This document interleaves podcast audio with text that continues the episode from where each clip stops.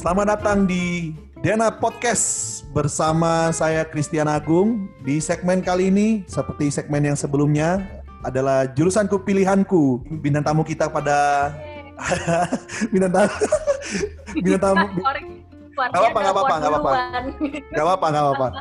Bintang tamu kali ini, ya juga sudah lama sih pengen bincang-bincang juga dengan uh, beliau ini karena pertemuan kita juga nggak terlalu lama ya singkat juga soalnya pengen nanya banyak cuma karena kesibukan masing-masing jadi baru sempat sekarang.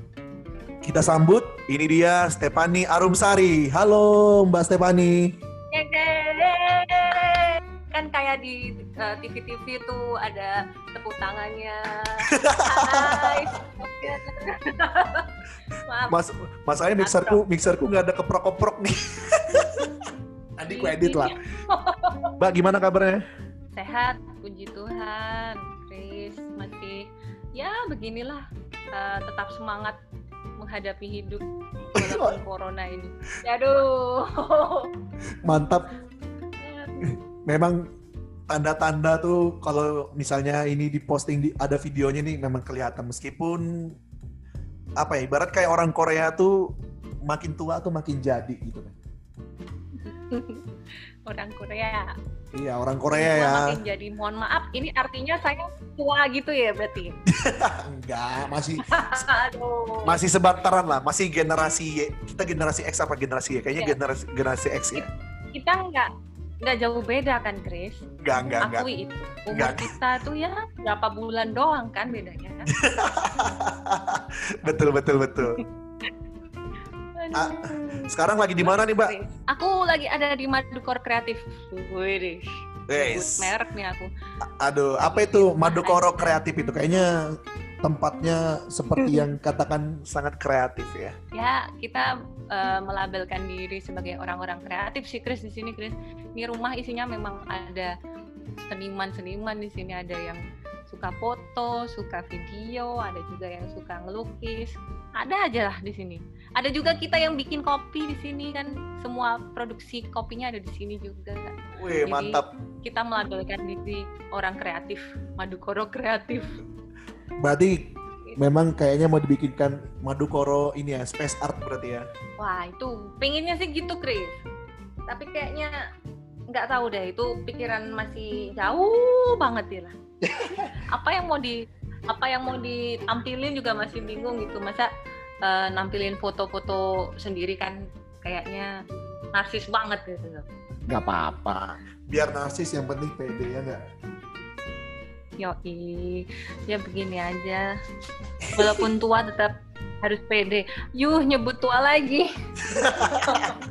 Saya tidak bilang ya. Aduh, jangan menyebut umur dalam acara ini karena ini adalah bahasanya mengenai kuliah ya kan. Mantap. Jadi saya akan akan memposisikan diri sebagai anak kuliah. Asik. Aku mahasiswa, hidup mahasiswa. hidup mahasiswa. Tapi nggak mau lama-lama. Waduh. Uh, biar intermezzo sedikit ya. Jadi uh, gimana nanya? Aku sama Mbak ini nih, Mbak Stefani maksudnya ya. Mbak Stefani ini kenalnya itu uh, di saat di saat KKN gak sih? Kita KKN ya? Iya, kita ya kita iya, ya. kita nih ya posisi posisinya kita lo ya. Iya pas dulu Chris tuh KKN terus ya kebetulan jadi kenal gitu loh. Karena sering ikut Chris kerja kelompok gitu. Aku yang ikut Chris ya? Sebenarnya bukan aku yang diikuti. Ada lah ya ada ada. Masa lalu? Ada seseorang di sana. Aduh orang di sana yang membuatku jadi kenal Chris ya kan? Iya, gitu. itu juga itu itu sobat sobatku lah kalau di Jogja tuh orang pertama pengen ku temui setelah keluargaku dia lah. Kangen juga soalnya. Mantap. Enggak, soalnya kan Salamin Chris. Oke, salam salam salam ya. Buat mas-mas buat mas-mas musisi saya salam dari virtual aja ya takut corona. salam virtual aja lah. Iya salam virtual ya, karena mas-mas musisi kayaknya lagi sibuk nih mas-mas musisi. Sibuk, sibuk kayaknya. Nah, jadi itulah perkenalan singkatnya, kenal di KKN. mbaknya ngikut seseorang di sana lalu Hmm. sering nongkrong lah sering nongkrong dan kebetulan mbak ini juga dulu pernah nolong nolong nolong aku dapat videonya dapat waktu itu dap, eh, minta mbak tolong bantuin dong bikin video ulang tahun buat gebetan sih buat gebetan dulu yang dapat tuh Brandon Brandon ya Brandon ya kalau nggak salah Brandon Dari sama Salim ya dulu ya. Iya, Brandon Salim sama Osvaldo Rio kalau nggak salah. Nah, itu itu orang yang dibalik kesuksesan bisa dapat videonya. Harusnya aku utang budi sih bilangnya. Gebetannya jadi nggak Chris? Dulu sih tapi nggak lama. Nggak lama sih. Eh, tapi tapi nanti aja off record aja itu. Aduh. jadi jadi itu Mbak Stefani ini dulunya alumni FISIP. FISIP FISIP ya, bukan Oh. eh bukan teknik ya kan minggu lalu bukan minggu lalu podcast sebelumnya itu satu jurusan ya. Sekarang kita beda jurusan. Ini juga sebenarnya for your information. Yes. Asik. Jadi jurusan pertama waktu dia waktu aku daftar Atma Jaya jurusannya ini jalur raport. Pertama kali pengennya masuk komunikasi. Habis itu nggak lulus. Lulusnya di hukum Atma Jaya. Oh. nah. Terus? terus habis itu karena nggak mau. jadi karena nggak bukan nggak mau masuk hukum ya karena jurusannya takutnya melenceng jadinya ikut tes lagi di Atma Jaya masuknya teknik sipil begitu Oke, oh jadi gitu ceritanya. Hmm, Ternyata jurusanmu bukan pilihanmu dong. iya jurusan di luar jurusannya di luar kehendak lah makanya bikin segmen begini biar orang-orang di luar gitu.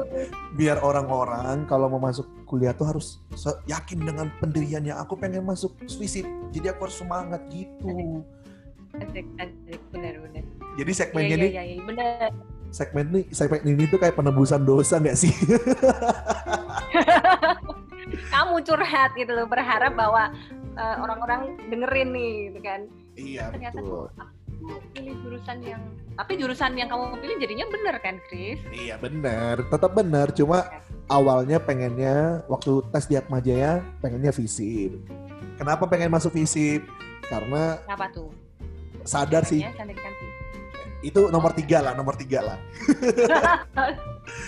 Nomor satu tuh memang pengen ekspor lah ekspor bakat sih sebenarnya. Tapi sesempit itu sih dulu waktu pengen kuliah ternyata kuliah di FISIP tuh nggak gampang juga ternyata Iya sih, nanti aku ceritain deh kuliah di FISIP tuh kayak apa. ah jadi kan eh, Mbak ini kan Mbak Stefan ini jurusan FISIP Atma Jaya tahun berapa Mbak? Ah, aku di FISIP itu tahun 2009, Chris, masuknya. 2009 saat itu masih ada penjurusan kebetulan. Kan entah per, per tahun berapa itu udah nggak ada jurusan nih. Nggak tahu di kampus teknik juga mengalami atau enggak ya. Tapi di FISIP itu udah nggak ada lagi penjurusan, katanya sih gitu. gitu.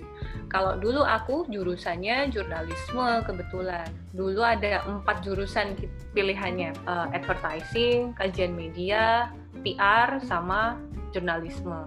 Nah kebetulan aku milih yang jurnalisme banget karena aku sadar diri bahwa kalau aku kayaknya milih PR nggak cocok deh gitu. Dulu aku gitu, Chris, tomboy gitu maksudnya tuh nggak pede dengan diri sendiri, pakainya kaos, celana jeans, terus sneakers, sepatu converse gitulah, terus naiknya sepeda Chris dulu. Tapi keren nggak? Berasa keren nggak naik sepeda waktu ke kampus? Wes, gitu kan. Waktu naik sepeda, Capek iya. waktu naik sepeda terus habis itu diliatin cowok-cowok kan berkibas-kibas, ada angin-angin gitu enggak ya? Sambil nyanyi ya, bila nanti aku pergi. Gitu. Waduh, waduh, lagunya lama gitu, sekali. pesawat, gitu. Dulu pokoknya kalau nggak naik sepeda tuh naiknya motor Grand Astrea. Kamu tahu nggak motor lama? Eh motor ya itulah lawas gitu loh. Tahu tahu. Motor jelek lah. Enggak lah, enggak jelek. Gitu. Enggak jelek sama masih bisa digunain motor lah. Asik. Kan bukan bukan pikirannya bukan anak PR banget gitu loh yang yang bersih, yang wangi. Makanya milihnya jurnal. Oh, memang stere- stereotip stereotipnya dulu tuh entah nggak tahu ya sampai sekarang apa stereotipnya kayak gitu kan. Maksudnya eh, apa? Stereotipnya anak fisip tuh harus cantik-cantik, putih, bersih, wangi. Kalau perlu ke fisip tuh pakai helikopter gitu. Kalau visip ya, visip nggak ngerti tapi banyak banget orang yang bilang cewek-cewek di visit itu cantik-cantik. Jadi dari uh, fakultas lain biasanya kalau nongkrong ke kantinnya visit dulu. Dari dulu pasti. Tapi Mbak ya merasakan kan, stereotip itu nggak? Uh, iya, iya merasakan sih. Ya karena Mungkin ketika bedanya bedanya nih Chris kalau aku masuk ke ke FE nih ekonomi itu udah rasanya tuh sedikit lebih apa ya kalau di sana itu isinya mungkin cici-cici lah ya maaf mohon maaf nih. Saya Chinese saya Chinese. Saya mengakui bahwa saya Chinese gitu. Tenang aja, tapi aman, aman. tapi beda udah orangnya udah beda gitu loh kayak di FE udah isinya Chinese Chinese gitu yang cici-cici. Kalau yang di FISIP kan memang campur-campur terus uh, fashion itu number one. Woi. Tapi emang bener sih itu kerasa hmm. banget. Jadi kalau memang maksudnya ya aku juga ngalamin sih waktu aku punya teman juga di FISIP satu angkatan juga karena satu SMA juga kan di di Samarinda jadi bukan nongkrong karena tahu sih teman itu di situ cuma pengen nongkrong karena diajak teman juga awalnya. Eh, di visip ini ceweknya cantik cantik di visip ini bla bla bla lah. Tahu kan sesuai dengan stereotip yang tadi ya kebetulan juga waktu aku kuliah ada nyebrang ke kampus 4 kalau visip kan kampus 4 tuh namanya. Hmm, nah jadi nyebrang ke kampus 4 aku aku asalnya dari kampus 2 nih. Kampus 2 nyebrang ke kampus 4 di situ tuh kalau misalnya kita mau jadi orang tipsnya ya udah ini dulu sih nggak tahu kalau sekarang tipsnya tuh kalau mau jadi orang yang terkenal itu cuma satu rajin-rajin ke visip kenapa rajin-rajin ke visip karena kalau di visip punya udah punya teman visip pasti dibawa pasti di, udah dibawa tongkrongan tuh. Dikenal tuh pasti sama masyarakat masyarakat se Seatma Jaya Yogyakarta. Iya sih. Banyak cewek-cewek yang jadi selebgram juga kayaknya dari visip deh. Yang sekarang ya, yang sekarang ini. Kalau yang dulu mah belum ada kayak gitu. Selebgram, selebgram. gitu di kalau nggak salah masih ada nggak sih akun-akun yang aja cantik ganteng gitu ada nggak masih aku nggak pernah buka lagi soalnya kayaknya masih di Iya nggak ngerti, mohon maaf saya lulusnya udah lama gitu, jadi tidak tahu perkembangan ada apa aja ya di visip itu. Kayaknya masih masih. Masih ya. Sempat uh. sempat masuk dulu. Uh, apa sih namanya? Ya itulah akun itu. Oh gitu. Gak tahu siapa yang bikin. Mbak, Mbak selesainya pasti ini. Kalau dari jurnalisme kan pasti orangnya rajin, terus. Uh, Betul. Maksudnya adaptif lah sama sama lingkungan sekitar tuh apalagi jurnalisme kan harus ikut-ikut berita kayak gitu kan apa memang stereotipnya kita atau gimana uh, sekarang ini Iya, iya sekarang. Maksudnya dibandingkan dengan zamannya Mbak dulu, stereotipnya, masuk jurnalisme ini harus ikut berita mulu tuh. Gitu. Kalau itu pasti pasti iya ya, Chris ya. Kita di jurnalisme dari dulu pun harus memang up to date sama apa yang terjadi gitu. Memang harus tahu uh, fakta apa yang terjadi di sekitar, terus harus kan kalau apa namanya ujiannya juga kita lebih seringnya kan kayak studi kasus gitu, Chris. Studi kasusnya pasti uh, kejadian yang memang dia baru-baru aja terjadi gitu loh. Jadi harus peka, harus istilahnya harus pinter juga sama banyak istilah. Di jurnalisme tuh susahnya apa coba? Misal kita mau nulis mengenai berita ekonomi gitu. Ya kita harus tahu kan istilah-istilah ekonomi apa aja, inflasi apa dan sebagainya gitu. Nanti kita nulis berita yang lain gitu, misalnya mengenai alam gitu. Kita juga harus belajar hal baru, harus tahu istilah apa itu, misal tentang geografi, pun tentang sipil gitu nanti yang mau diberitakan kayak gitu. Sampai sekarang pun stereotipnya masih masih seperti itu, masih harus tahu fakta apa yang terjadi harus up to date pun mungkin aplikasi yang di download di HP itu adalah tentang berita-berita gitu kan. Eh, portal-portal berita online sekarang ini. Berarti masih download? dari dulu aku? Um, tidak semuanya. Sekarang lebih ke Instagram mainnya oh. kayak akun-akun di Instagram itu ya tentang berita-berita gitu. Berarti masih ngikutin ya soal berita-berita masih ngikutin? Tidak terlalu sih, Chris. Mohon maaf banget tidak terlalu. Jadi sebenarnya itu... hanya di Twitter gitu misal lihatnya. Oh, kalau kalau kita kan lebih lebih mudahnya lihat di Twitter lah, lihat di Instagram lah. Kalau berita up to date. Iya sekarang sekarang nggak maksudnya nggak kayak dulu lagi ya, maksudnya kayak dulu tuh kita harus download uh, portal berita kayak detik.com. Maksudnya kalau misalnya masih butuh berita sih enak aja langsung download di masa buat download ya, download aplikasinya terus baca beritanya dari situ. Terus ada apa babe-babe itu ya? Babe masih ada nggak sih? Babe baca berita yang babe-babe yang bukan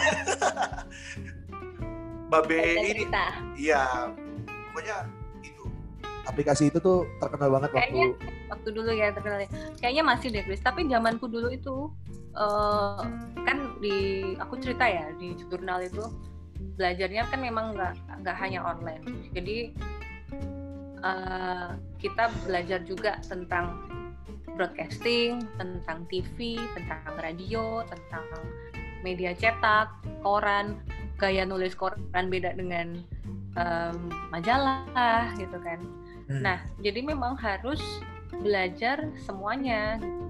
Pun sekarang ini aku rasa yang mungkin paling mudah diakses kan memang online ya. Ya, yang cetak jadi ketinggalan kan. Iya betul betul. Tapi iya kan, jadi nggak tahu deh mungkin pun yang yang beli koran itu hanya beberapa aja pasti berkurang sampai sekarang ini karena orang mudah dimudahkan dengan teknologi tapi aku lebih lebih dari dulu ya aku lebih sukanya tuh di broadcasting memang.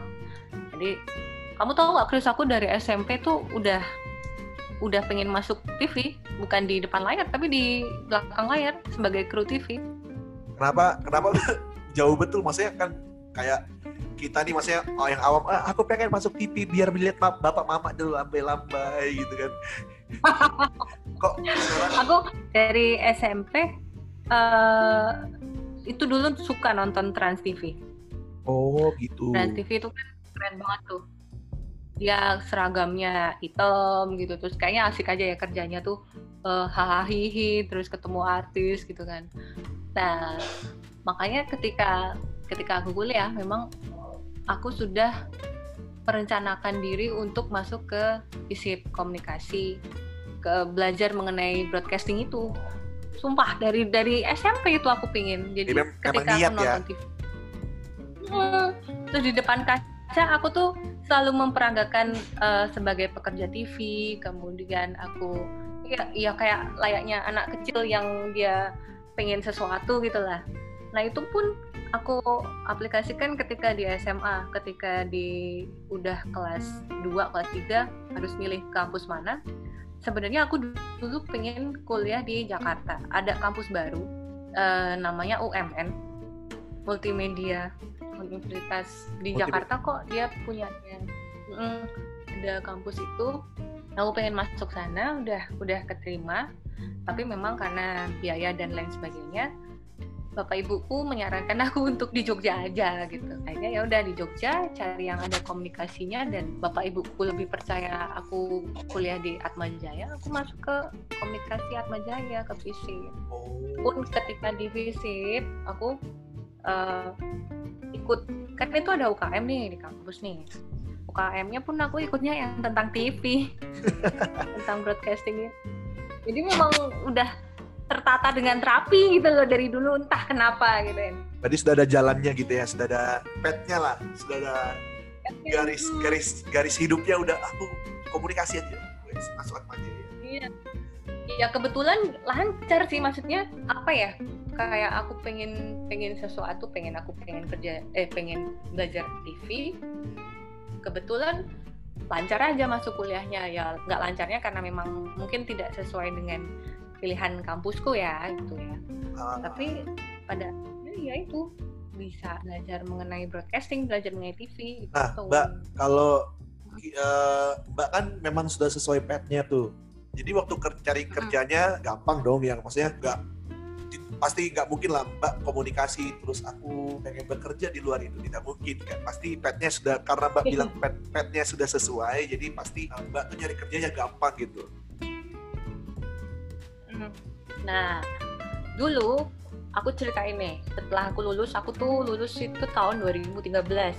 Puji Tuhan ya, 4 tahun nih lulus. 4 tahun lebih sih sebenarnya, 4 tahun lebih karena lebihnya itu karena di semester akhir masih ikutan ini kegiatan kampus, inisiasi kampus, masih nge menjadi panitia, terus ada jadi ketua panitia penelitian di kampus juga. Nah, jadi uh, skripsinya keteteran gitu, setahun lah pokoknya. Tapi masih bisa dihandle sampai mungkin aku lulus tuh empat tahun lebih tiga bulan. Setelah lulus, aku daftar ke beberapa stasiun TV, tapi memang belum ada tanggapan nih. Dulu aku daftarnya ke RCTI, tapi belum belum ada jawaban juga sampai akhirnya udah merasa apa ya namanya anak baru lulus gitu kan fresh graduate idealismenya tinggi nih. Yang penting dapat kerjaan dulu dah gitu. Akhirnya dapat tuh di marketing bank. Cuman itu nggak bertahan lama sih Chris. Cuman enam bulan marketing bank di Solo habis itu resign keluar. Eh memang seperti apa ya ada jalannya. Setelah resign beberapa bulan cari-cari lagi dapat nih di MNC TV MNC TV udah udah uh, keterima. Tinggal sign kontrak tinggal ngomongin eh sebelum itu ding masih masih ngomongin gaji. Tapi prosesnya lama terus ada temenku ngajakin. Eh ayo kita ikutan ini apa uh, tes ada tes di waktu itu masih di Jogja tes di Net TV namanya Net TV itu apaan gitu? Kan aku kan nggak ngerti dulu tuh. Net TV belum terkenal sekarang. Dulu masih bisa diaksesnya mungkin ya nonton di YouTube lah via streaming gitu doang. Net TV apaan gitu? Ala itu loh the comment the comment gitu dia bilang gitu. Oh the commentnya tahu sih tapi nggak nggak pernah ngeh tentang Net TV isinya apa aja gitu. Akhirnya berangkat lah aku tes di Net TV itu di masih di Jogja uh, di universitas apa dulu mereka tesnya. Setelah itu nggak lama seminggu pengumuman aku masuk nih. Malah temanku yang ngajak itu nggak masuk Chris. Nggak enak ya jadi jadi waduh mohon maaf. Ya karena aku aku cuman iseng Chris. Sebenarnya nggak nggak pengen uh, serius. Karena udah keterima di MMTC kan? Eh MMTC MNC kan? Iya, udah betul. keterima di MNC jadi ya udahlah ini iseng aja gitu. Malah keterima prosesnya lebih cepat lagi interviewnya lebih cepat kemudian uh, gaji dan lain sebagainya sign kontraknya lebih cepat akhirnya aku ya milih itu net TV gitu. Dengan gambling sih bapak ibu juga nggak ngerti net TV itu apaan gitu. Keluarga juga nggak ngerti net TV itu apa sih gitu loh. Masih bisa ditontonnya kalau di rumahku dulu pakai parabola Chris. Belum belum bisa diakses semudah sekarang akhirnya keterima deh di Net TV terus ya udah ke Jakarta di sana di Net TV tahun 2014 sampai 2016 akhir udah tuh aku di Net TV Nah, setelah dari Net TV itu baru kita ketemu kan? iya, eh aku masih di Net TV nggak sih waktu itu? Masih ya? Eh, Ma enggak mas, ya? Udah enggak Udah, ya? udah enggak sudah enggak jadi jadi setelah iya. keluar dari TV balik ke Jogja ketemu kita ketemu. Uh. tadi ya karena cerita di awal begitu ya teman-teman. Podcast yang sedang mendengarkan. Jadi sudah dengarkan ketemunya dari mana? Dari situ. Gitu ya. Nah habis itu gimana mbak? Habis dari maksudnya kan mbak sudah pengen masuk TV nih. Kok mbak keluar sih dari, dari stasiun TV gitu itu pertanyaan banyak orang yang yang pasti selalu ditanyakan. Setiap kali ketemu orang gitu tahu bahwa aku di TV kenapa sih kok keluar? gitu. Pasti itu pertanyaannya. Nggak apa aku mau cerita mungkin di net TV itu sangat menyenangkan. Atau aku mungkin bilangnya kerja di TV lah ya. Kerja di TV itu menyenangkan menurutku. Uh, dinamikanya oke okay, terus anak-anak muda juga yang kerja di situ jadi merasa hal baru terus gitu loh, fresh terus idenya dipacu untuk lebih kreatif lagi terus-terusan setiap hari gitu kan. Terus ketemu artis iya menyenangkan. Cuman yang memang jadi jadi apa ya? sering jadi ganjalan itu memang jam kerja sih. Pernah nih Chris aku uh, awal-awal masuk gitu kan. Awal masuk ya namanya anak baru gitu junior. Itu tantangannya adalah tidak boleh menanyakan bisa pulang jam berapa kak? gitu. Jadi kita tuh dibiarin di kantor aja sampai pagi udah sampai jam satu kita masih kerja sampai jam 2 kita masih kerja gitu. Awalnya emang nggak terbiasa kayak aduh pengen nangis rasanya ini tuh aku tuh pengen pulang pengen istirahat pengen pengen apa tidur rasanya karena udah ngantuk. Nggak terbiasa kan kerja jam segitu. Itu uh, tapi itu cuma di awal-awal doang rasanya. Setelah hari demi hari tuh bisa sampai udah udah katam gitu loh Chris. Kayak tidur tuh bisa kebalik. Nanti aku baru tidur jam 7 pagi gitu. Terus nanti bangunnya jam 2 siang gitu. Ya terbalik lah hidupnya. Hmm. tidak ada yang tidak ada yang maksudnya aku terus sangat tidak menyukai kegiatan itu enggak gitu. Yang buat aku sampai jadi alasan resign itu enggak ada sih. Cuman memang dulu pengen banget buat sekolah lagi setelah dari net TV pengen kelanjutin S2 namun memang uh, pas pulang ke Jogja kebetulan langsung dapat kerjaan nih di radio. Ternyata tidak bisa ditinggal Chris kerjaannya. Jadi jadi ya udah jadi fokus ke situ. Masya Allah tolong deh. Nggak bisa sampai udah niatan udah niatan banget tuh udah udah mau daftar sekolah udah bapak ibu udah setuju tapi ternyata memang kerjaannya nggak bisa ditinggal jadi ya ya udah sampai sekarang ini masih belum belum terlaksana. Tuh orang-orang pasti selalu menanyakan hal itu. Aku jawabnya ya itu karena memang pengen sekolah lagi dulu dan pengen deket sama orang tua juga lah. Jadi memang alasannya itu ini ya bukan karena dunia di belakang layar maksudnya di industri entertainment aku bisa bilang itu industri entertainment ya maksudnya di TV dan sebagainya itu bukan karena uh, bukan karena di cara etos kerjanya bukan nggak baik ya tapi lebih kepada memang memang keinginanku sendiri sih Chris itu karena ya, memang itu. pengen sekolah pengen pulang pengen pengen deket sama bapak ibu juga.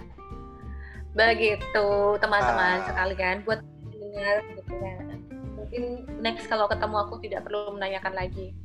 Ya jadi buat uh, fansnya Mbak Stefani ya kalau ditanya kenapa keluar, keluar dari net TV kenapa keluar dari dunia TV nah itu jawabannya ya jangan ditanya lagi. Ya begitu ceritanya. Nah tapi ini menarik nih kan maksudnya TV itu kan luas tuh skalanya. Sekarang kembali ke radio maksudnya bukan bukan kembali ya mencoba di tempat yang baru yaitu radio. Nah kenapa pilih radio maksudnya kenapa radio lagi gitu mbak? Kenapa radio gitu ya? Iya kenapa uh, radio? itu kebetulan yang bukaan radio Chris. Jadi uh, bukan bukan karena alasannya apa ya kalau cari di TV lagi tapi Jogja aku masih masih belum belum apa ya belum serak gitu loh Chris. Kayak masih milih-milih gitu. Dan yang radio yang aku daftar juga radio yang terkenal gitu di Jogja. Terus pas lagi butuh orang. Tapi aku memang di bagian IO-nya Chris. Di oh. event organizer-nya di radio. Itu jadi bukan sebagai penyiar ya. Enggak tapi lebih ke IO itu dunia yang baru lagi. Sebenarnya nggak jauh beda sih sama entertain juga. Mirip-mirip. Bedanya ini ada kliennya gitu. kita ngerjain event bentuknya. Gitu. nah mbak dari dari TV ke maksudnya ke dari stasiun radio ya bukan radio lagi nih stasiun radio kan tempatnya. Stasiun radio. Tantangan terbesar apa sih yang pasti setiap tempat tuh mempunyai tantangan terbesar gitu. Nah, tantangan terbesarnya apa aja sih, Mbak? Mungkin bisa dibagi gitu. Dan cara ngadepinnya gimana? Yang di radio ini? Yang di radio apa yang di TV? Dua-duanya boleh kalau dua-duanya lah kalau bisa. Waktu aku kerja di TV ya, tantangannya yang kayak tadi aku ngomong itu salah satunya adalah waktu gitu kan. Waktu waktu istirahatnya uh, jadi kebalik berkurang waktu ketemu eh bukan ketemu waktu ngobrol sama pacar waktu ngobrol sama bapak ibu juga berkurang gitu. Itu salah satu tantangannya. Terus ada lagi kan itu kan di Jakarta sedangkan aku dari istilahnya ngerantau gitu kan Chris. Di sana digembleng banget mentalnya. Kayak kita tuh masuk ke uh, apa sih istilahnya udah jiper duluan gitu loh udah udah takut. Karena ngelihat orang Jakarta tuh oh, gila mereka keren ya mereka tuh uh, orangnya berani gitu keras gitu. Kalau ngomong tuh ya ngomong ngomong aja gitu. Ngeritik orang tuh ngeritik aja gitu kan. Sedangkan kalau kebiasaan di Jawa itu kan masih sungkan masih malu-malu gitu. Iya, itu sempat betul, betul. awal jadi tantangan ya kan? Sempat jadi tantangan banget. Kayak aku tuh jadi uh, sempat minder gitu loh. Sempat nggak pede karena bisa nggak ya aku jadi seimbang dengan teman-teman yang ada di Jakarta ini gitu. terus tapi kebetulan uh, apa ya hal itu tuh bisa di di ditepis secara ya udahlah gitu loh maksudnya aku harus harus tetap bisa pede dengan diriku sendiri karena ya mau mau tidak mau aku sudah terpilih dan ada bergabung di dunia ini di di kantor ini secara tidak langsung berarti kan aku dari ratusan ribuan orang yang memang sudah tes di sini aku memang cocok menurut mereka menurut menurut apa namanya sampai aku bisa akhirnya lolos gitu aku bisa kerja di sini. Dan aku ngerasa dulu tuh yang selalu selalu aku inget gitu ya ketika aku mau nyerah gitu aku merasa ya ampun aku udah sejauh ini loh udah udah sampai di sini gitu kan. Nggak boleh nyerah gitu kayak pasti bisa pasti bisa. Dan akhirnya memang bisa gitu loh. Banyak temen yang juga di sana gitu yang memang support. Dan banyak juga orang-orang Jawa yang ada di sana gitu loh. Mentalnya sangat-sangat terbentuk jadinya. Kayak uh, ketika ditegur gitu dimarahin gitu kayak itu terlalu nyakitin perasaan gitu kan. Kalau dulu awal-awal mungkin dimasukin hati kok aku dibilangin gini ya? Kok aku dibilang gitu ya? Sampai akhirnya tuh udah kayak kebal gitu loh, udah udah nggak punya rasa uh, sentimen kemudian nggak punya rasa sedih gitu. Karena mungkin ini ya uh, ya ya emang banyak banget orang di sana tuh yang seperti itu gitu loh. Saat itu ya di sekitarku ya. Iya betul. Itu tantangan. Terus uh, tantangan lagi tuh sebenarnya kalau secara teknis kerjaan tantangannya tuh ya banyak. Pasti harus berpikir kreatif iya. Harus menghadapi uh, orang-orang uh, baru yang mungkin tidak bisa diatur iya. Apalagi artis gitu loh. Artis kan ada juga tuh yang kemudian dia nggak mau syuting misal. Nah terus gimana coba kalau misal itu harusnya syuting tapi dia terus nggak mau? Itu yang jadi wah tiba-tiba langsung stres rasanya tuh waduh gimana nih pernah nih aku juga selain itu urusan wardrobe aja urusan baju. Urusan uh, bajunya artis aku yang bawa nih Chris. Kan pakai gantungan tuh pakai iya, gantungan yeah, yeah. pakai hanger. Dia kusut itu syutingnya di pinggir jalan di pinggir ya Allah di dekat perempatan lampu merah hijau itu. Aku harus cari setrika Chris saat itu. Waduh langsung mampus nih harus cari setrika di mana gitu. Akhirnya aku masuk kebetulan di dekat situ ada mall. Langsung lari ke mall terus pinjem ini setrika uap itu loh sama orang. Ya mau udah mengandalkan uh, seragam net TV aja sama ID card. Maaf mbak ini saya dari net TV saya harus uh, segera ini pinjam setrika karena mau ada syuting di bawah gitu. Aku bilang gitu. Ya mau gimana lagi? Emang emang harus kayak gitu. Emang ya awal-awal di sangat super dikerjain sama bos itu pasti iya. Itu tantangan-tantangan teknis itu masih banyak lagi sih. Sampai pernah juga nemu uh, artis diajakin syuting terus ditegur nggak mau gitu. Waktu itu dia bertato gitu kan tatonya sampai ke kepala sampai di atas sini di, di wajah. Nah, nah aku harus negur dia buat menutupin. Itu pakai entah pakai kemeja lah, entah pakai jaket lah atau apa. Karena dia waktu itu nggak pakai lengan uh, syutingnya dia nggak mau Chris. Ya udah uh, mau gimana lagi? Akhirnya aku yang harus ngakalin ketika editing pengambilan gambar ya harus aku misal aku crop aku pilih-pilih yang tidak kelihatan. Ya udahlah banyak hal teknis. Terus ketika di radio belajar hal hal baru lagi sih kayak kan dari TV kemudian masuk ke dunia IO gitu. Ya sama-sama entertain sama-sama sama-sama ada kesamaan ngurusin tentang musik lah ngurusin tentang ya event event event yang entertain gitu loh. Tapi lebih-lebih lagi ketika di IO tantangannya adalah klien.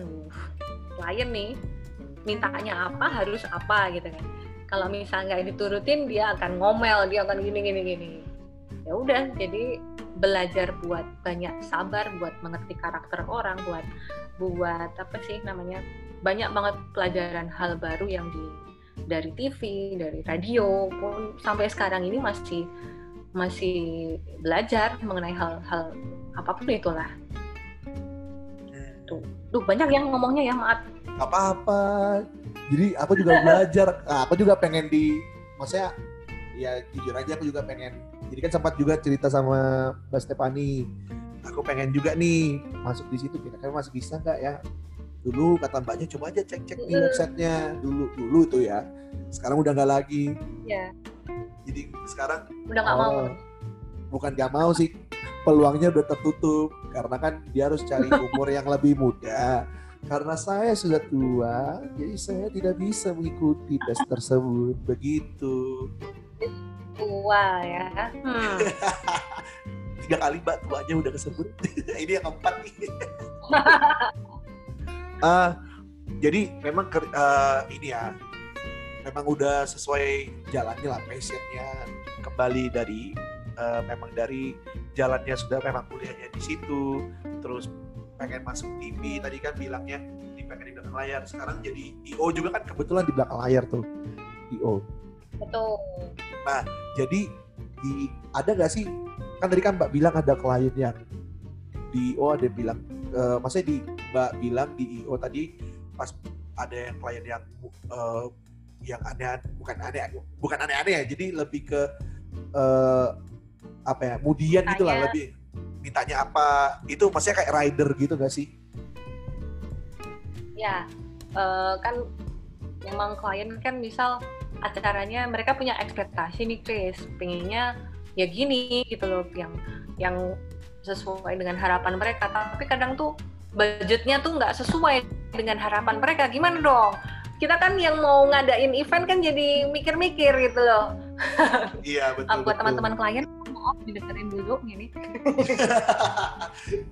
Tenang nanti kalau kalau misalnya di di share di Instagramnya Mbak pasti tuh klien-klien pada denger ya. Terutama buat klien-klien yang suka marahin Stephanie. gitu. Iya, nah memang ya apa ya tantangannya ya itu sih kayak misal klien mintanya uh, mungkin memang sesuai ekspektasinya mereka gitu kan. Pengennya yang wah gitu tapi kadang memang budgetnya tidak sesuai. Salah satunya itu itu atau uh, apa ya kayak komplain itu pasti ada sih pasti pasti ada. Entah itu kesalahan dari kita entah kesalahan dari temen gitu kan. Itu terus nanti karena kebetulan kan aku ngurusin jadi aku yang ngurusin klien Chris. Jadi garda depannya saya mohon maaf gitu loh. Jadi ketika ada apa-apa yang ditelepon saya gitu. Itu memang jadi... harus ya, ya harus. Jadi ketika kita lagi marah-marah lagi bad mood gitu tapi ternyata harus nerima telepon dari klien langsung berubah moodnya. Halo? Iya? Gimana kak? Gitu. Padahal sebelumnya halo gitu. Ini gimana sih? Gitu. Harus memang jaga mood banget jadi harus bisa bisa jadi fake. Mbak, kalau boleh tahu nih, Mbak kan IO di radio. Ada nggak sih, maksudnya hmm. akhirnya kesampaian juga nih aku bisa jadi IO buat misalnya buat penyanyi ini, buat band ini, atau buat pelawak ini, ada nggak? Ada, ada, ada, ada. Aku dulu, uh, aku memang ngefans banget sama Padi ya. Padi Ribbon sekarang namanya. Kenapa Padi? Nah, nggak tahu dari dari aku kecil aku punya Walkman dulu. Itu kasetnya kaset padi dan itu pasti aku selalu dengerin ketika pokoknya sampai aku tidur aja. Sampai kasetnya tuh udah habis udah berhenti gitu kan. Itu pasti aku dengerinnya lagu padi. Nah aku ngefans banget sama padi sampai akhirnya aku waktu uh, beberapa tahun yang lalu punya kesempatan buat jadi uh, ngurusin padi itu lah jadi apa LO-nya padi gitu. seneng banget rasanya Chris. Kayak aduh ini kayak ketemu idola gitu kan. Dan mereka juga sangat baik gitu. Sampai sekarang pun masih terakhir tahun lalu kali ya aku samperin ke jadi ketika mereka konser di Jogja aku samperin pasti tanggapannya selalu baik masih ingat lagi namaku siapa gitu rasanya seneng banget Chris nggak ngerti tidak ada yang menggantikan rasanya itu salah satunya Adi kalau di Padi lagu yang paling disukai apa mbak? Padi lagu yang paling disukai itu seperti kekasihku. Wow. Sesuai dengan kekasih yang sekarang. Wah belum punya Chris. Mohon maaf. Jadi belum ada. untuk sementara uh, maksudnya padi lah yang terbaik lah ya. Sementara ini sejauh ini padi ini masih yang terbaik kalau di IO gitu pernah nggak sih mbak kayak maksudnya ada bisa bilang talent gak sih? Maksudnya kayak talentnya atau uh, maksudnya bintang tamunya yang suka ya maklum lah digodain hai mbak. Mbaknya pasti jomblo ya kayak gitu. Mbaknya kok sendirian mulu sih? Gitu. Pernah nggak kayak gitu ya, mbak? Pernah ada. Ya ya ada sih seperti itu. Dulu udah dulu sama anak band apa ya dulu ya? Artis kok gitu. Ya terus di chatting gitu. Terkenal ya Tapi terkenal ya, ya. Sekedar... orangnya kan sananya kan terkenal. Iya. Namanya namanya namanya tuh tit tit tit tit tit tit, tit gitu kan. Nggak boleh nggak boleh di nggak boleh disebutin nanti ada yang terluka. Wow. Oh, oh siapa? Juga tahu siapa. Siapa tahu ada pendengarnya. Aku terluka. Ada gitu. dulu Mbak pernah nggak sih maksudnya uh, di TV atau di radio dibilang ih muka mbaknya mirip artis ini suara mbak mirip artis gitu pernah nggak?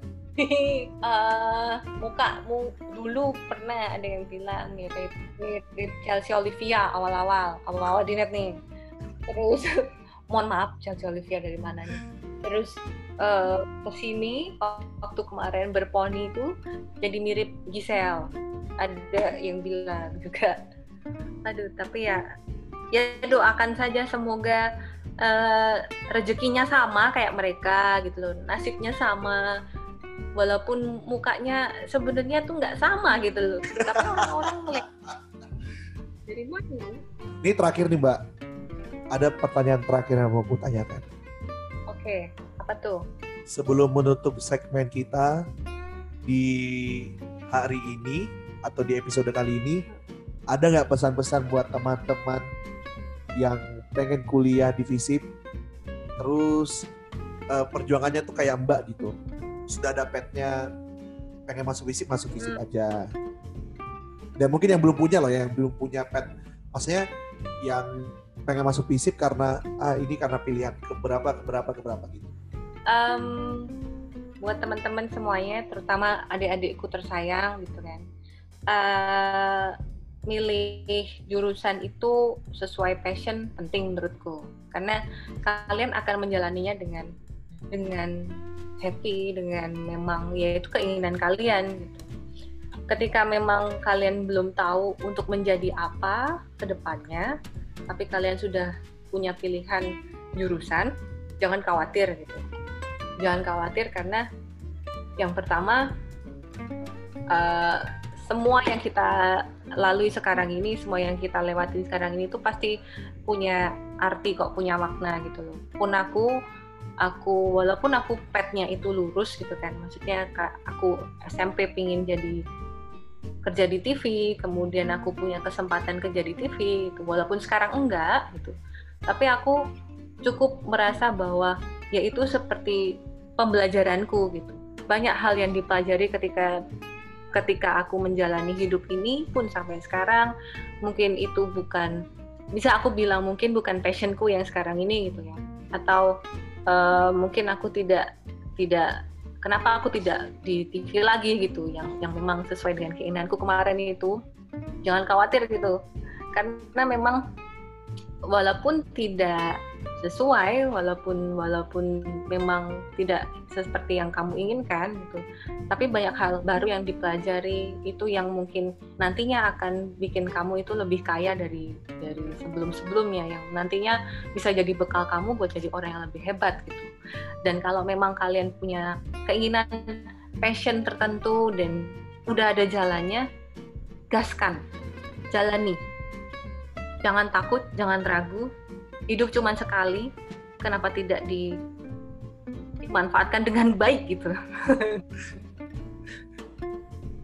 Memang berarti tetap uh, apa pun yang terjadi tetap jalani aja itu kan intinya tuh dan terus uh, berusaha sampai selesai kuliah. Kan kuliahnya tuh empat tahun tadi ya empat tahun tiga bulan ya.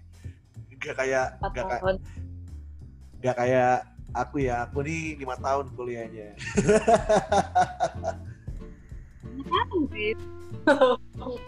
Lima tahun satu tahunnya buat malas-malasan aja itu. Saking nggak bisa ini kangen sama Jogja kan orangnya kan susah move on. Wadaw. Waduh tuh dengerin susah move on. Mohon maaf ini yang dibilang siapa ya?